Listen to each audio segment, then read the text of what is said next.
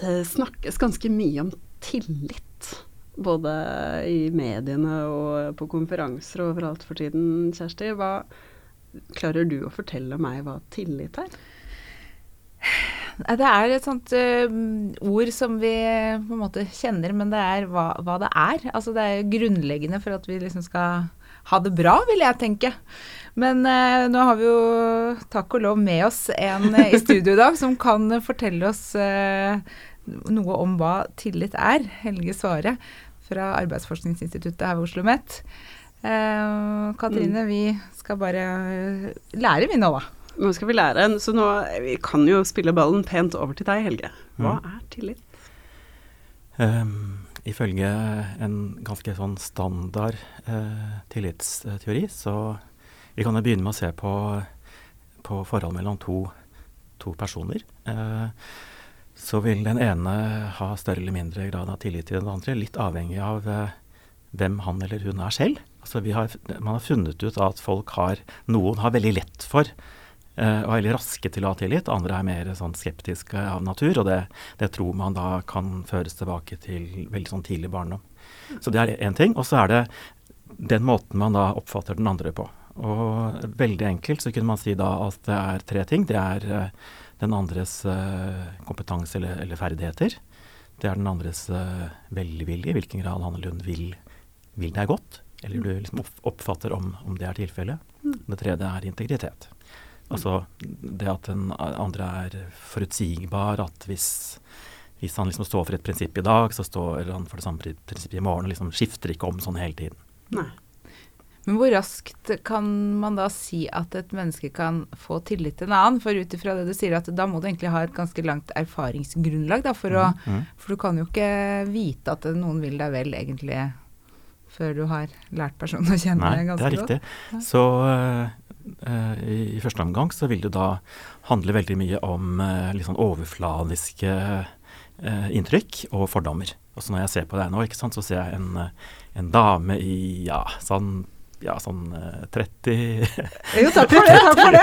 Du, jeg har tillit til at denne samtalen kommer til å bli veldig fin. Men han kjører sånn skikkelig ordentlig, sånn godt smil. Eh, og da, ikke sant, så bare skjer et eller annet, og så tenker jeg at hm, hun, hun, er grei. Hun kan jeg stole på. Hun, er, hun vil meg vel. Hun smiler. Sant? Et godt smil. Og det virker også som en kompetent uh, uh, radiovert. Eller, eller uh, Podkastvert. Så, så, jeg har tillit til at det skal gå bra også. Ja, det var hyggelig. Dette er en veldig god start, ja, føler jeg. Veldig nå, god start. Men, men på et sånt mikroplan, hva er det man på en måte kan gjøre i situasjoner hvor tilliten er brutt da, av ulike Altså er det noe man kan gjøre for å på en måte bygge tillit, eh, vedlikeholde tillit? Det kommer ganske mye an på, på, konteksten, tenker jeg. Og så kommer det an på igjen hvem det er du skal skape tillit hos. Eh, det kan være en uh, nyttig ting da å vite litt om eh, F.eks. hvis du skal igjen, nå, nå ser jeg på, på, deg, altså hvis du skal skape tillit hos meg, Eh, så kan det være en fordel at du, at du, kjenner litt til min personlighet, men også den kulturen jeg kommer fra, sånn at du kan spille litt på det. ikke sant? Mm. Uh, vi som er norske, vi er vant til at liksom, man skal være litt uformell og avslappet. ikke sant? Så da kan, du, da kan, du, spille på det, og så kan du være uformell og avslappet selv. Mm. Uh, og, så, og, så, slapper jeg av i det. Mens hadde vi vært i Frankrike f.eks., hvor som er mye mer sånn formell kultur, så ville kanskje ikke det funka. Da måtte du liksom kjørt en mer sånn, mer sånn autoritær, eller, eh, eller, sånn Da måtte du stå fra mer som en ekspert, kanskje, for at jeg skulle få, få, tillit til deg. Og da tenker vi både på dette med kompetanse, at du skal liksom da veldig sånn klart utstråle myndighet og, mm. og ferdighet, men også det at du skal ikke være for liksom, Kanskje for blid.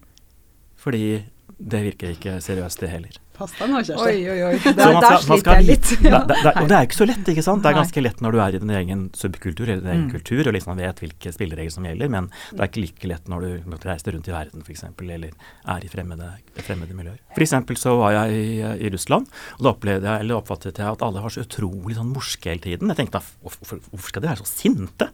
Noen ekspeditører og liksom hun som sto i innsjekkingsskranke på flyplassen, alle var sånn sinte. Og så snakket jeg med en av etterpå som det har vært mye i Russland, så sier han ja at hvis de smiler i en sånn sammenheng, så er det ingen som oppfatter dem som seriøse, og da mister de helt den tilliten de trenger. Mm. Ja, for her så Jeg vil jo tenke sånn En del av det du sier, det, det vil jo si at man må ta på en måte personligheten sin eh, godt ut for at folk skal få tillit til deg. For at man gjennomskuer jo også ganske fort et annet menneske hvis, som falskt, hvis man er liksom overdrevent det ene eller det andre, ja. Men det, det, er vanskelig og da, å ja. Og dette med falskhet, da, hvis jeg får en mistanke om at du er falsk, så er det dette med integriteten som svikter. ikke sant? Mm. For da er du ikke da er du ikke forutsigbar. ikke sant? Da, da, er det et eller annet med at det er noe dobbelt der. En mm. fasade som ikke helt stemmer med det som er bak. Mm.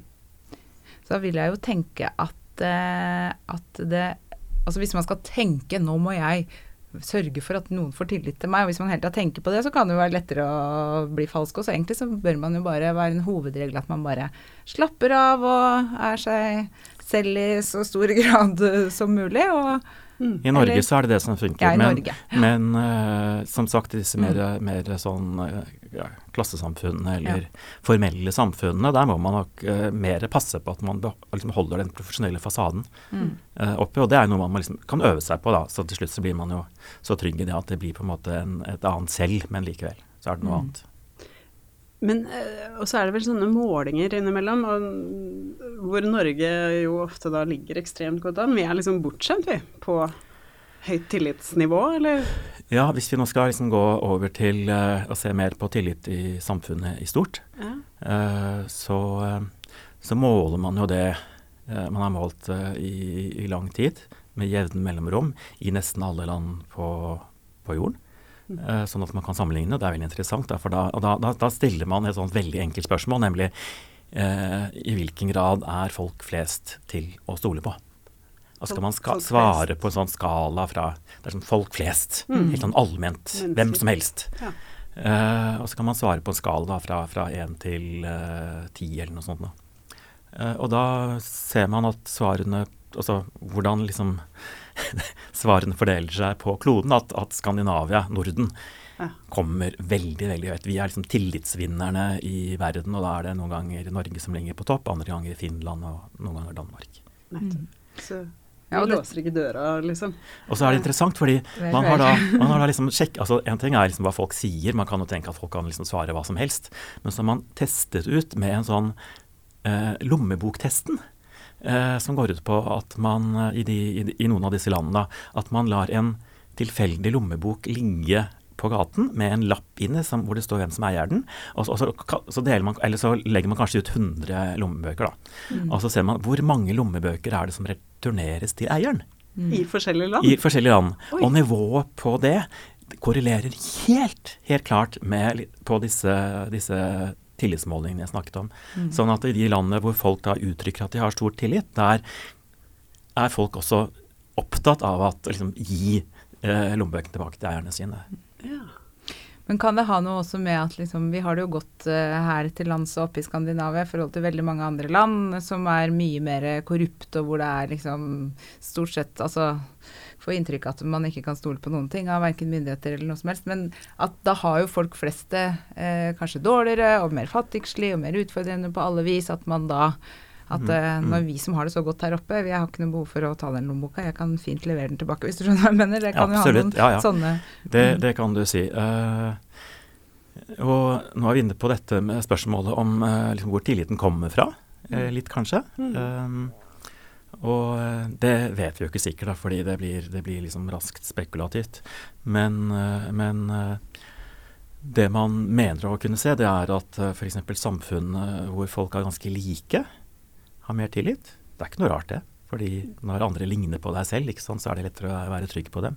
Og da går det både på, på liksom kultur, etnisitet, og det går på likhet i forhold til, til økonomi, altså klasseskiller. Mm. Lave klasseskiller det er noe som kjennetegner Norden også. Og når vi kommer lenger sør i Europa, f.eks. i Frankrike, da er det sånt veldig sånt klart skille mellom Tyskland og Frankrike, hvor Frankrike ligger veldig mye lavere. Og Frankrike er altså tradisjonelt et mye mer klassesamfunn mm. med en svakere velferdsstat. Så der kan det være noe, selvfølgelig. Mm. Men nå, altså nå har vi jo snakka om altså både på et sånt eh, mellommenneskelig plan og, og, i arbeidsliv og liksom samfunnet for øvrig, så er man egentlig da eh, en grunnleggende faktor er at vi stoler på hverandre og har tillit til hverandre og systemene fungerer. Eh, men er det Men hvordan eh, I de landene da som hvor vi kan sitte her og si at vi oppfatter at der er det korrupt og der kan man ikke stole på noe. Hvordan klarer menneskene og liksom skal ha det bra og leve når man ikke kan føle at man kan stole på de som skal altså, nå er det ikke, styre. Det handler ikke bare om korrupsjon, fordi jeg tenker at det handler vel så mye om klasseforskjeller og, okay. og, og andre typer forskjeller.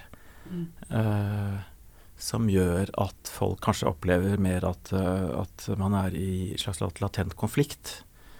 Uh, at det er det så, vel så mye det som, som undergraver uh, tilliten. Mm. Altså hvis man ser på arbeidslivskonflikter f.eks., streiker og sånn, de er mye, mye mye mer brutale i, i, i de landene vi snakket om nå, Sør-Europa, til dels også i England, som mm. også skiller seg litt ut sånn mm. sett. Uh, eller i, i, Brasil, som er et av de landene som ligger helt på bunnen uh, internasjonalt. Mm. Som også har vært, det har vært et diktatur. Det har vært en veldig sånn brutal, undertrykkende overklasse. Så, så, det, er, det er vel så mye det, tenker jeg, som, som, som, korrupsjon. Korrupsjon kanskje også, men det er kanskje mer en sånn biprodukt mm. av det hele. Men hvis vi går litt mer inn i arbeidslivet, det er liksom der vi Der vi skal være. Det er der Helge og jeg ja. sitter til vanlig vet du, på Arbeidsforskningsinstituttet. Ja. Så norsk arbeidsliv er jo, eller nordisk, er jo denne nordiske modellen som også, hvor tillit står veldig sentralt. Også på arbeidsplassen, ja. Også på den enkelte.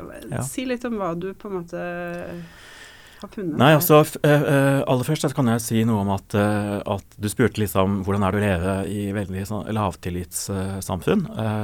Men hvordan er det å leve i høytillitssamfunn? Hva er det det gjør med samfunnet? En, en ting er at, vi, at, det er mye sånn tryggere og, og liksom bedre sånn på det personlige planet, men man ser jo også at det har enorme økonomiske gevinster. Altså Nordisk råd ga ut en rapport for noen år siden som het 'Tillit det nordiske gullet, mm hvor, de da, eh, hvor, de da, prøver å, og De sammenligner altså gullet nesten med oljen, altså. Det er en, en, ressurs på litt samme nivå. Og det handler om at vi bruker mye mindre penger på kontroll og overvåkning. Mm. Eh, når, eh, når bedrifter skal samarbeide, så er det mye mindre arbeid forbundet med å sette opp kontrakter. Eh, fordi man, man kanskje, kanskje hopper over det hvis det er små bedrifter og små avtaler. Mm. Um, og så er man mye mer åpne. Mm. Og det gjør at man, man, det, det er, man sier lettere ifra. Når det er et eller annet man lurer på, et eller annet man ikke skjønner, eller et eller annet man ikke er enig om. ikke sant? Og da får man sjansen til å, å rette det opp. Mm. Og liksom løse problemene lokalt veldig raskt. Eller til og med da liksom finne på nye løsninger på, på, gamle problemer, altså det vi kaller innovasjon. Mm. Eh, og det kan vi se både på samfunnsnivå, og vi ser det tilbake til arbeidsplassen, da, som du oppfordret til. Vi ser det på norske arbeidsplasser, at selv om ikke Norge scorer veldig høyt på sånne internasjonale innovasjonsmålinger som måler, som måler da ofte patenter, mm. så scorer vi veldig høyt på det som kalles inkrementell innovasjon, som er sånn små, bitte små, men hyppige forbedringer. Og hvis du tenker sånn mange sånne små hyppige forbedringer som lagt oppå hverandre, så blir det plutselig noe veldig sånn stort og viktig og verdifullt. Så da kan vi oppsummere med at liksom gjensidig tillit, tillit, det skaper godt samarbeid og får gode resultater og er liksom lønnsomt på alle vis. Ja. Men da lurer jeg på en ting, da. For at uh, i arbeidslivet og ja, liksom alle slags uh, sånne type samarbeid litt, ja ja, egentlig helt fra personlig nivå og helt opp, så vil jo alle, uansett om man på en måte er gode personer, som man kan stole på hverandre, om man har gode hensikter overfor hverandre, så er vel en sånn grunnleggende faktor inni alle at man egentlig er mest interessert i å komme best ut av det selv, hvis du skjønner hva jeg mener? jo, altså, det, det, er jo lov. Ja, for så vidt. Eller sånn, kan det da være full tillit, hvis du skjønner hva jeg mener? Alle har jo lyst til å for at man sjøl skal komme best ut av et samarbeid, eller ikke best, men i hvert fall bra, da, og at man sjøl skal få eh, liksom en vinn-situasjon, ikke sant? Skjønner du hva jeg mener? Hvordan, Absolutt, ja, ja, ja, ja. Og derfor så definerer man jo ikke den, den velviljen vi snakket om mer innledningsvis, som er en betingelse for at jeg skal ha tillit til andre. Mm. Ikke sånn at de liksom, de, de liksom utsletter seg selv, det er ikke det det handler om. At de, ba, at de, er, de trenger ikke være altruistiske, Nei. altså altruistiske i den forstand at de liksom er sånn moder Teresa som bare liksom tenker på de andre. Men de skal heller ikke tenke bare på seg selv. Nei. Så det er det, er, det er det, som blir uh, omregningspunktet her. ikke sant? At mm. Altså Vi snakker om opportunisme som det motsatte av altruisme. Opportunistene det betyr at jeg liksom bruker enhver anledning til liksom å prøve å liksom tuske til meg så mye jeg kan. Helt uavhengig av andres uh, behov eller interesser. Mm. Uh, ikke sant? Og så er det noe med å arbeide for sin egen, sine egne interesser. Mm samtidig som man ivaretar de andre underveis. Ik mm. ikke, den der, ikke, den opportunismen hvor man liksom bare tusker til seg og driter i, i hva som skjer, mm. men liksom man jobber for egne interesser og andre samtidig. Mm. Jeg tenker at det er, en, det er egentlig en sånn interessant sammenligning med et mer sånn amerikansk samfunn, da, hvor det er mer sånn en konflikt, det løser vi in court. det, mm. det liksom eh, løser vi i rettssystemet, eh, og, og, at det er på en måte konkurranse instinktet som driver frem mm. disse ja. patentene og sånne ting. Mens her så er det, det er på en måte noe annet.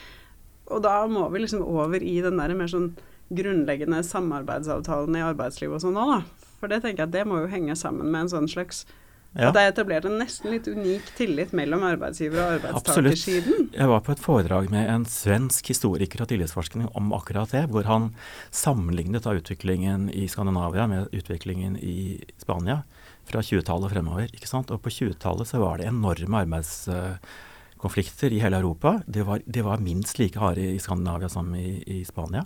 Tenk på Menstadslaget utenfor uh, Skien f.eks., hvor liksom soldater stilte seg opp mot arbeiderne.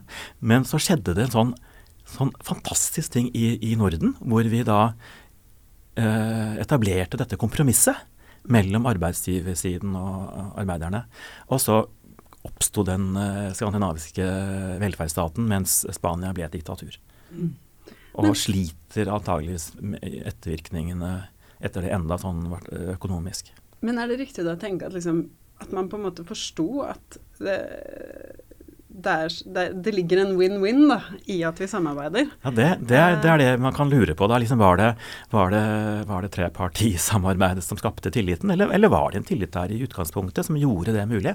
Og Da er det jo historiske tillitsforskere som mener at de kan som, spore det nordiske tillitssamfunnet helt tilbake til, til vikingtiden f.eks. Oi, hvordan da? da? Da handler det også litt om at selv om selv om, uh, selv om det var klasseskiller og vi hadde jo slaver, så, så, relativt sett så var, var, Norden også den gangen, altså relativt sett, mm. eh, mer lik, altså likestilt. da. Der var mindre forskjeller. Man hadde begynnende demokrati på, på, på tingene, hvor man istedenfor liksom bare drepe hverandre, som man også gjorde, mm. så møttes man også, i hvert fall av og til så møttes man og diskuterte og ble enige om ting i stedet. Sånne ting eh, kanskje, kanskje, er liksom kimen da, til, til det moderne tillitssamfunnet i dag. Her føler jeg kanskje at liksom norsk turistnæring burde eh, ja, snu om litt på hvordan vikingtiden ja. presenteres. jeg kan bare nevne også at uh, det er, veldig, sånn, det er veldig mye sånn uh, sære, litt sånn rare uh, studier i tillitsforskningen. Men en studie der man også sett på tillitsen, altså ikke sted, I stedet for å måle tillitsnivået i nasjoner, så har man målt tillitsnivået i, i kommuner i Danmark og Tyskland. Og så ser man da et skille mellom Danmark og Tyskland Tyskland er, det er et lavere tilsamfunn tillitssamfunn enn Danmark sånn generelt. Men skillet går ikke akkurat der hvor grensen går i dag. Men den går der hvor både vikingkulturen sluttet i vikingtiden. Ja, ja. Men hvor, hvis noen kommer hit da, fra et land med minimal tillit og eh, blir på en måte integrert i det norske samfunnet, hvor, hvor kjapt kommer den altså, hvor, hvor, kjapt etableres den tilliten? Henger den liksom i veggene i Norge, eller er det Hva, hva, hva er det, vet du, det lurer jeg også veldig på, for det har jeg, har jeg ikke sett noen studier på. De studiene som, som, som uh, finnes om migranter, uh, tyder på at uh, denne generelle tilliten som vi har liksom snakket om, den som måles da globalt, at den er veldig stabil. Ja. F.eks. så så har man funnet ut altså, altså etterkommere av nordisk, altså norske utvandrere til USA, som da vandret ut på 1800-tallet, etterkommerne deres har et tillitsnivå som, som, ligner veldig på det norske tillitsnivået i dag. Og er forskjellig fra tillitsnivået til de som utvandret fra Tyskland eller, eller Spania. Akkurat som, det, akkurat, som det, blir sånn lommer av uh, Men, men da har det også noe å gjøre med at, uh, at uh, norske innvandrere liksom samler seg veldig sånn, klumper seg sammen da, i Midtvesten og sånt. Men uh, Jeg tror jo at, jeg tror jo at, at, at tillitsnivået vil, vil liksom begynne, altså nærme seg det norske. Mm. Man har også gjort laboratoriestudier som, som viser det, da, at når man har grupper med høy tillit i et sånt sosialt laboratorium, og liksom dytter inn folk som har lav tillit, så vil, vil de liksom bli likere flertallet etter hvert. Mm. Men nå har jo du eh, tegna et bilde av liksom Norge hvor det er veldig eh, høyt nivå av tillit, og at det fungerer fint, og at det er veldig godt å leve her, sånn sett. Så lurer jeg på da, er vi Har du sett noe eh, signaler på at vi er for naive, liksom? At vi er for godtroende? Mm. Altså, det er ikke noe lurt å ha for mye tillit. Det snakker man også om i tillitsforskningen. Man må liksom finne det passe, det optimale nivået. Fordi har man, for, har man for mye tillit, så blir man lurt, eller man gjør dumme ting. Uh, så. Men om vi er der i Norge i dag, det, det jeg vet jeg ikke. Jeg tror vi er ganske sånn tett på det optimale. Og så er det noe med det at også, hvis vi liksom blir fristet da, til liksom tenke at nå er liksom verden litt farligere, nå må vi begynne å liksom, uh, liksom holde litt mer igjen etablere litt mer eh, kontroll, f.eks. Sånn som man ser eh, Nå er det akkurat et forslag fra Etterretningstjenesten om å innføre ganske, sånn, ganske sånne harde kontrolltiltak i forhold til, eh, til elektroniske media. Så, så, vet vi jo fra forskningen også at kontroll er nesten som en slags gift på tillit. Altså, man, man innfører kontroll fordi man er liksom redd og usikker, fordi man tenker at vi kan ikke bare jobbe ut fra tillit, men, men, så ødelegger man tilliten underveis. Mm. Det er ganske dumt. Altså, det er mm. ganske, ganske, risikabelt. For man kan komme inn i en sånn nedadgående spiral. Så ganske sånn skjøre ting. Men eh, man kan jo bli litt sånn nesten litt ko-ko når man begynner å tenke på hvor mye av samfunnet vårt som er basert på tillit. For ja. jeg syns jo et mm. av de mest sånn spennende eksemplene, eh, slik jeg ser det, er jo penger. Mm. Vi har på en måte bare blitt litt sånn enige om at uh, nå sier vi at den er verdt så og så mye, denne femkronen her, liksom. Ja. Og så stoler vi på det, da. Ja, da, det, det er bare noe vi har funnet på. Det er helt, helt, uh, helt svimlende å tenke på. Ja. Men det er jo sånn med veldig mye ikke sant, at vi, vi er så utrolig sårbare som mennesker. Og så bare beveger vi oss rundt i verden sånn uten å liksom bekymre oss. Uh, det er klart at det, sånn, Rasjonelt sett så burde vi kanskje ta mye mer forholdsregler og liksom se folk an når vi møter dem når de kommer på, mot gatene, eller, eller, ikke bare låse døren, men ha liksom ekstra hengelås. Man kunne tenke at, man, at, det ville vært lurt, da. Skaffe seg et maskingevær, sånn som man gjør i USA, hvor nesten halve befolkningen, eller i hvert fall mange, er, er bevæpnet. Men så viser det seg det da at det er mye lurere, tross alt, å ha den litt sånn naive tilliten, mm. fordi det genererer så veldig mye mer eh, verdi. Mens med en gang man begynner på det andre sporet, så, så, så, så kan man starte den nedadgående spiralen. Og jeg og min kollega eh, eh, på AFI har jo da gjort en studie på arbeidsplasser som ser nettopp på det, hva som skjer når man innfører overvåkningsmekanismer, mm. og hvor lett det ødelegger tilliten. Og da, Jeg må spørre deg om en ting til. for at, uh, Du var jo inne på det helt i starten. Men hvis da uh, tilliten blir brutt skikkelig, og la meg si at har, man har kjent et menneske, da, det kan jo være en kollega eller en familiemedlem eller en sjef eller et eller annet, eh, i mange år man har hatt en gjensidig tillit, og så blir den brutt. Mm. Og så raser jo på en måte en grunn under deg. Mm. Går det an å bygge opp den tilliten igjen, eller er det ødelagt forever? Altså Ifølge den der tredelte modellen som jeg innledet med, så kan jo tilliten bli brutt på tre måter. Enten ved at du plutselig viser deg fullstendig inkompetent. Eh, eller ved at du plutselig blir veldig opportunistisk, altså sånn grådig og hensynsløs. Eller ved at du liksom mangler eh, integritet. Uh, og litt sånn avhengig av liksom hvilke, hvilke av de grunnene som fører til tidligere, så, så, kan man tenke seg at det kan bygges opp på litt forskjellige måter. Og jeg tror nok at tillit langt på vei kan bygges opp igjen. Men det man har liksom sett, da, det er jo at, at f.eks. hvis det handler om ja, uansett, uansett, hva det handler om, så er dette med å be om unnskyldning eller be om tilgivelse, det er, det er, liksom en slags nøkkel. Og det må være ordentlig. Mm. Altså det, må virke, altså det, er jo en del snakk om det, da, hvordan man liksom greier å liksom si unnskyld uten å si unnskyld. Ja, mm. så leit at du ble At du tok deg nær av det, sier vi liksom. Altså sier ikke at, det, ikke at jeg har gjort noe galt, men det er dumt at du tok deg nær av det, sier man da egentlig. Mm. Det, det, det funker jo ikke. Man må virkelig liksom si Oi, dette var en feil. Altså, dette skulle jeg ikke ha gjort. Mm. Jeg skal mm. gjøre alt jeg kan for ikke å gjøre det uh, igjen. ikke sant? Der må det være. Ja. Og så har man da sett på det at hvis, man, hvis det skjer én gang, så har man ganske gode sjanser til å opprette tilliten. Men jo ofte liksom man, man tråkker utenfor, da, ja. hvor oftere det skjer Jeg husker jo, min lærer sa én gang er ingen, men to ganger er ti, sa hun hvis vi kom for sent eller ikke hadde gjort leksene. Ja. Ja, så den, den fjerde-femte gangen så er det atskillig vanskeligere å, å komme tilbake på sporet. Ja, for da begynner det å gå på den ekte integriteten løs, for da er du jo ikke pålitelig eller forutsigbar. Da kan du liksom ikke helt nei, vite. Nei. Men eh, jeg syns dette er Jeg merker at liksom, tankene kan fly både vidt og bredt her.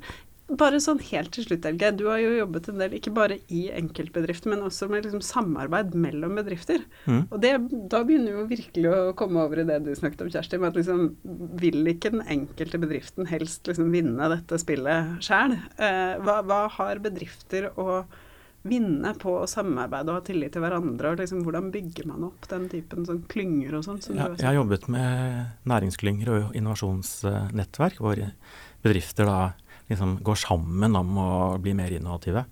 Uh, og, de er jo ikke, apropos det du spurte om, de er jo ikke naive, de er ikke dumme. ikke sant? Så de, veldig, passer veldig på at, uh, at, de liksom ikke sier feil ting, eller at de gjør noe som gjør dem sårbare. Men samtidig så er de helt sånn, de er helt sånn klar over det at uh, hvis ikke vi samarbeider med andre, så får vi ikke til det vi skal. Så vi må, alle er liksom avhengig av det samarbeidet. Og da, og da, greier de å finne den der magiske balansen mellom å, liksom, å dele og det å holde på egne, egne hemmeligheter eller egne ressurser. Mm. Og vi har jo da sett også veldig sånn klart at de som får til det, altså det går så mye bedre med dem på alle måter, også ikke minst sånn på den økonomiske bunnlinjen. Hva, hva er det som skjer da? Um, det som skjer, er jo da at uh, Ofte så vil jo de bedriftene også ha et veldig sånn godt tillitsnivå internt. Sånn at de har veldig sånn Altså de har dette med at de, de er åpne og ærlige og kan ta opp ting som er vanskelig, de kan spørre om ting som er dumt. Mm. Sånn at problemet blir løst og man finner nye løsninger. Og litt det samme også i møte med, mellom bedrifter. At de, liksom, de tør å liksom blotte seg lite grann. Mm. Eh, for ellers så, ellers så får du jo ikke hjelp det de trenger. Jeg har full tillit til uh, at jeg har uh, lært mye om tillit i dag. Og jeg syns det er så hyggelig at vi nok en gang i Vitne og Snakkis-studio har uh, fått inn en god Oslo Met-kollega som kan fortelle oss om relevant og god forskning. Det er så fint at vi har eh, AFI har så mange filosofer. Filosofer, de er flinke til å Ja, det fordi det, det ble jo ikke sagt, men jeg er både filosof og samfunnsforsker. Og det er litt derfor jeg er interessert i tillit òg, fordi det er et veldig sånn klassisk tema i filosofien. Ja. Supert. Tusen takk for at du kom, Helge Svare. Og takk for at du hørte på Viten og snakkes. Vi er å finne igjen om en ukes tid, eh, skal vi si. Ha det bra.